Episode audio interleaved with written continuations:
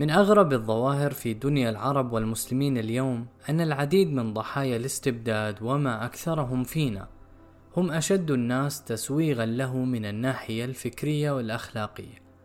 وهذه الازدواجية المتمثلة في مقاومة الاستبداد عمليا وتسويغه فكريا بادية لدى الحركات الإسلامية أكثر من غيرها من القوى السياسية العربية. ومن أسباب هذا القصور الخضوع لطوق فكرنا السياسي التاريخي الذي لم يكن وبكل أسف انعكاسا لمبادئ الإسلام. بقدر ما كان تكييفا لهذه المبادئ مع سلطان القوة. وقد كان الفيلسوف الجزائري مالك بن نبي شخص داء التكيف فأكد أن الحضارة الإسلامية لم تنشأ عن مبادئ الإسلام ولكن المبادئ هي التي تكيفت مع سلطة زمنية قاهرة. وهو تشخيص دقيق بالنسبة للشق السياسي على الأقل من الحضارة الإسلامية. لكن السبب الرئيس لهذه الازدواجية يرجع إلى تاريخنا الحديث أكثر من القديم. فقد تجاوزت أمم كثيرة قديم تجاربها وكسرت قيود تاريخها السحيق. هذا السبب هو الاستعمار. وما نتج عنه من ردود فعل مغالية على كل ما هو آت من الغرب ولو كان حقا. ومن تمحور حول الذات بكل مساوئها دون نقد أو مراجعة. لقد خلف الاستعمار الكثير من الآثار السيئة على المجتمعات التي استعمرها نهبا لثروتها وتمزيقا للحمتها وتشويها لهويتها. لكن أسوأ آثار الاستعمار الغربي لبلاد الإسلام من وجهة نظري الشخصية هي تشويشه على روابط التواصل الإنساني التي بدأت بين الحضارتين في قرون النهضة الأوروبية. إن دارس العلاقات التاريخية بين الغرب والعالم الإسلامي يدرك بسهولة أن إعجابا متبادلا كان موجودا خلال الحقبة التي سبقت الاستعمار وهو أمر نجده في كتابات بعض مفكري الغرب مثل الفيلسوف الفرنسي جان جاك روسو الذي عبر في كتابه الشهير في العقد الاجتماعي عن إعجابه بما دعاه قانون ابن إسماعيل ونظامه السياسي.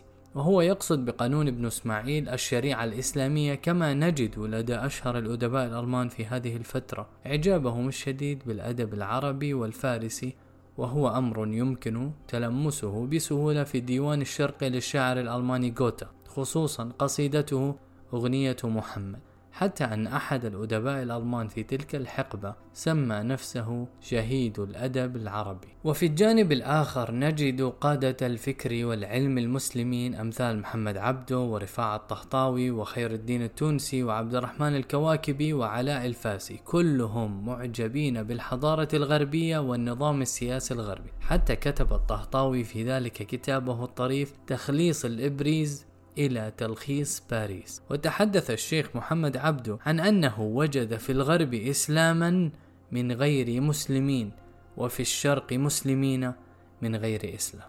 لكن هذا الإعجاب المتبادل ما بين العالم الإسلامي والغرب تلاشى بكل أسف مع بداية الاستعمار.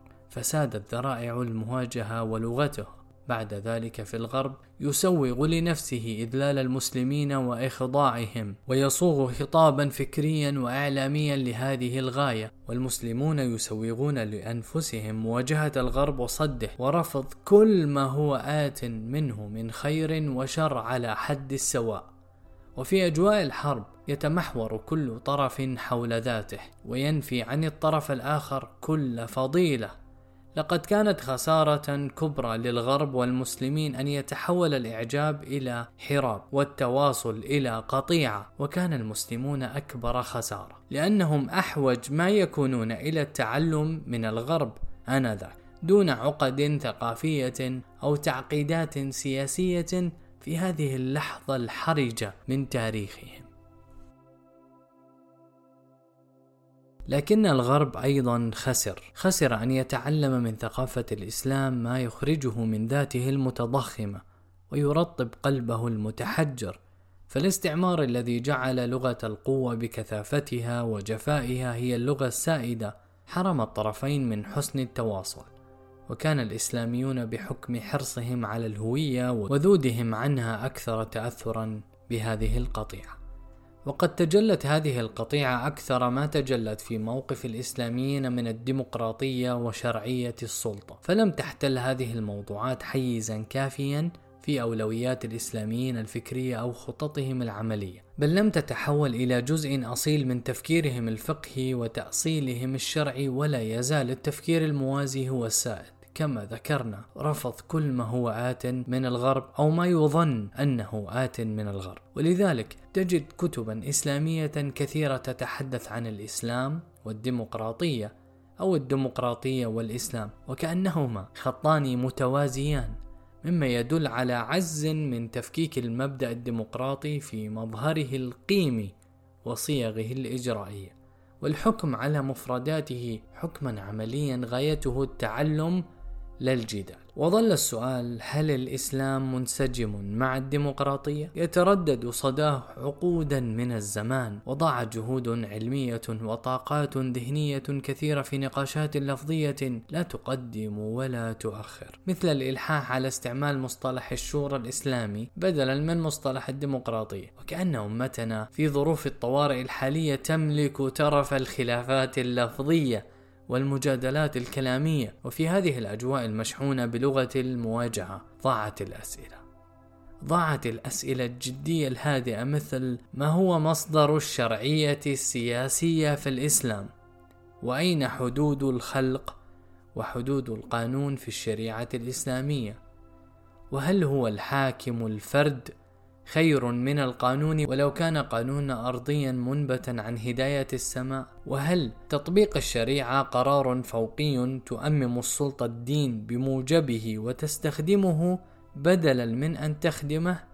أم هو مشروع مجتمع يحميه المجتمع ويرعاه؟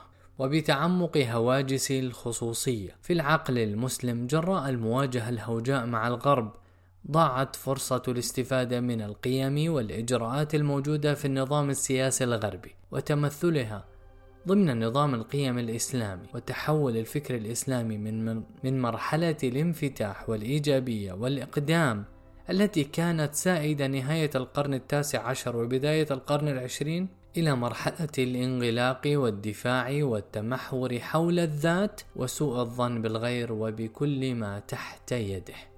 وقد أدى ذلك إلى خروج مسألة الشرعية السياسية من أولويات الفكر الإسلامي بعد أن كانت أولويته الأولى في تلك الفترة وتشوه مفهوم تطبيق الشريعة فأصبح مفهوما جنائيا وكأن قطع يد سارق سرق دريهمات على يد سارق سرق مليارات هو الشرع ذاته أو كأن رد بيت من مغتصبه إلى صاحبه على يد من اغتصب وطنا بأكمله هو العدل عينه. أو كأن تحرير فرد واحد من السجن على يد من تحكم في رقاب ملايين البشر امرا ذا بال. إن أساس الشريعة العدل ولا عدل. إذا ظل بين المواطنين من هو فوق القانون ومن هو تحت القانون. ومهما يكن جمال القانون سماويا كان أو ارضيا. فلن يكون له أثر عملي إذا لم يتصف بصفة العموم والإطلاق. كان إبراهيم لينكولن يقول لا أحد فوق القانون ولا أحد تحت القانون. وجاك روسو يقول هذه هي المشكلة الكبرى في السياسة. إيجاد شكل من الحكم يضع القانون فوق الإنسان. وبهذا التفكير استطاع الإنسان الغربي أن يحقق العدل لنفسه في وطنه رغم قصور قوانينه الأرضية عن شريعة الإسلام السماوية ورغم جوره في تعامله مع الآخرين خارج حدود أرضه. أما في دنيا العرب والمسلمين فلا يزال الحاكم فوق القانون لا يسأل عما يفعل ولا يزال أغلب الشعب تحت القانون لا يجد إنصافا ولا عدلا ولا يزال هو الفرد المتأله هو المرجع الأخير. فإن أحسن الحاكم منع مواطنيه من بعض التظالم فيما بينهم مع ولعه هو في ظلمهم جميعا بل هو لا يعدل في شيء مثل العدل في توزيع الظلم على رعيته فمثله مثل الإقطاعي القديم الذي يمنع عبيده من اعتداء بعضهم على بعض لكنه يمارس الاسترقاق والظلم عليهم جميعا وهذا اختلال خطير في الأولويات الشرعية أدى إلى اختلال في التطبيق فكم يدا تم بترها في باكستان ضياء الحق أو سودان النميري أو سعودية آل سعود ويد الحاكم الذي بترها أولى بالبتر. وجرمه أكبر وسجل مظالمه أعرض. وكم سجينا عانى ولا يزال يعاني في سوريا ومصر والمغرب وتونس وموريتانيا. وامتهنت كرامته الإنسانية في أرض يدين أهلها بشريعة العدل الإسلامية. لقد ذرفت الدموع وأنا أرى سجينا خرج مؤخرا من السجون السورية. ليكتشف أن والديه ماتا منذ عشرين سنة دون أن يدري وقلت في نفسي والله لا تفلح أمة يعامل بعضها بعضا بهذه الهمجية فهل بلغت بنا الفظاظة حد التعامل مع البشر بهذه الطريقة؟ وهل إخبار السجين بموت أمه أو أبيه جرم يجب التكتم عليه عقدين من الزمان؟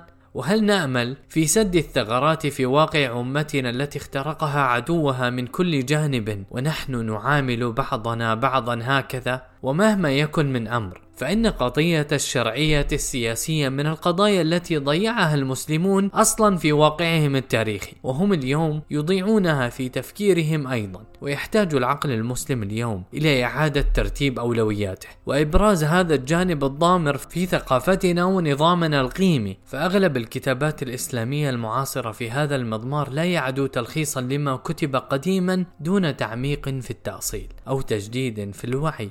أو مواجهة تحديات اليوم بفكر وثاب غير هياب.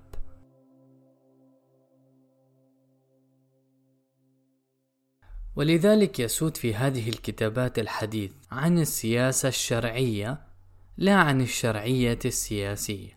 وشتان بين الأمرين فالسياسة الشرعية مصطلح تاريخي وهو وليد فقه التكيف تكيف المبادئ الإسلامية مع واقع القوة القاهرة ومحاولة لإنقاذ ما يمكن إنقاذه بعد اليأس من تأسيس السلطة على أسس شرعية. أما الشرعية السياسية فهي مصطلح شرعي همه تكييف الواقع مع متطلبات المبدأ وهو ينطلق من أمل في إصلاح وإيمان بضرورة وإمكانية وهو ينطلق من أمل في الإصلاح وإيمان بضرورته وإمكانيته وما من ريب أن لهذا الاختلال الفكري أثره السيء على الحركات الإسلامية في طرحها الفقهي وفي ممارستها السياسية داخل صفها الخاص وفي مجتمعها العام. إن اتخاذ قضية الشرعية السياسية أولوية الأولويات مدخل شرعي وعملي مهم غاب عن بال الإسلاميين عهودا من الزمن فنسوا أن الشرعية هي الطريق إلى الشريعة بمعنى أن إقامة حكم ديمقراطي يحترم إرادة الأمة وحرية الفرد هو السبيل إلى تطبيق أحكام الشريعة الإسلامية بل هو أهم جزءا من هذا التطبيق في أخطر مناحي الحياة وأكثرها إثارة للخلاف. موضوع سالت فيه الدماء والدموع مدرارة وهو موضوع من يحكم من ومن يخضع لمن. وأعتقد أن هذا الأمر هو الذي ينبغي أن يلح عليه الإسلاميين في المستقبل. الشرعية اولا ثم الشريعة بعد ذلك وبذلك يجعلون مشروعهم مشروع أمة لا مشروع طائفة أو حركة، فلن تقام أحكام الشريعة إلا إذا احتضنتها الغالبية من أبناء الشعب وأصبحت تعبيرا إجرائيا عن إرادة أمة حرة يلتزم بها جميع السياسيين طوعا وكرها، كما هو شأن الأحكام الدستورية في دول الغرب اليوم، ولن ينجح مشروع سياسي لا يجعل حرية الإنسان وكرامته همه الأهم، ولا ينبغي أن يزهدنا في الديمقراطية وهي الطريق إلى بناء الشرعية السياسية اليوم. كونها آتية من أرض استعبدنا أهلها وشحوا علينا بما عندهم. فالغرب ظاهرة مزدوجة. الغرب في ذاته والغرب في صلته بنا. أما الغرب في ذاته فلديه بعض القيم التي تستحق الثناء وبالذات القيم السياسية التي ضيعها المسلمون فضاعوا وأما الغرب في صلته بنا فالاستعمار عنوانه والاستغلال هدفه حتى وهو يرفع شعار التحرير والحرية.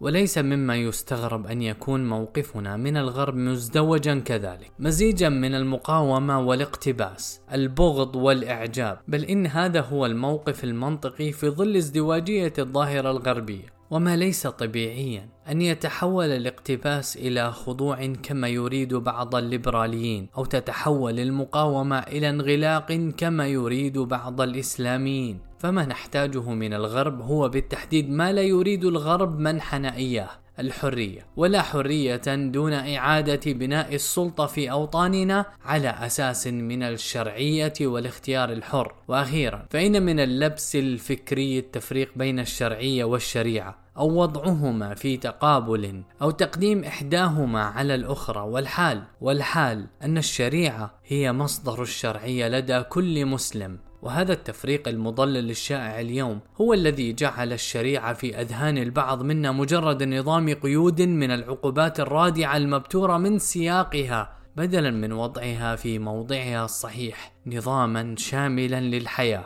يحقق الخير والعدل والحرية. ولكننا نفرق هنا بين الشريعة والشرعية مجاراة للاصطلاح السائد ولغاية الإبلاغ لا غير. فعسى أن نكون أبلغنا.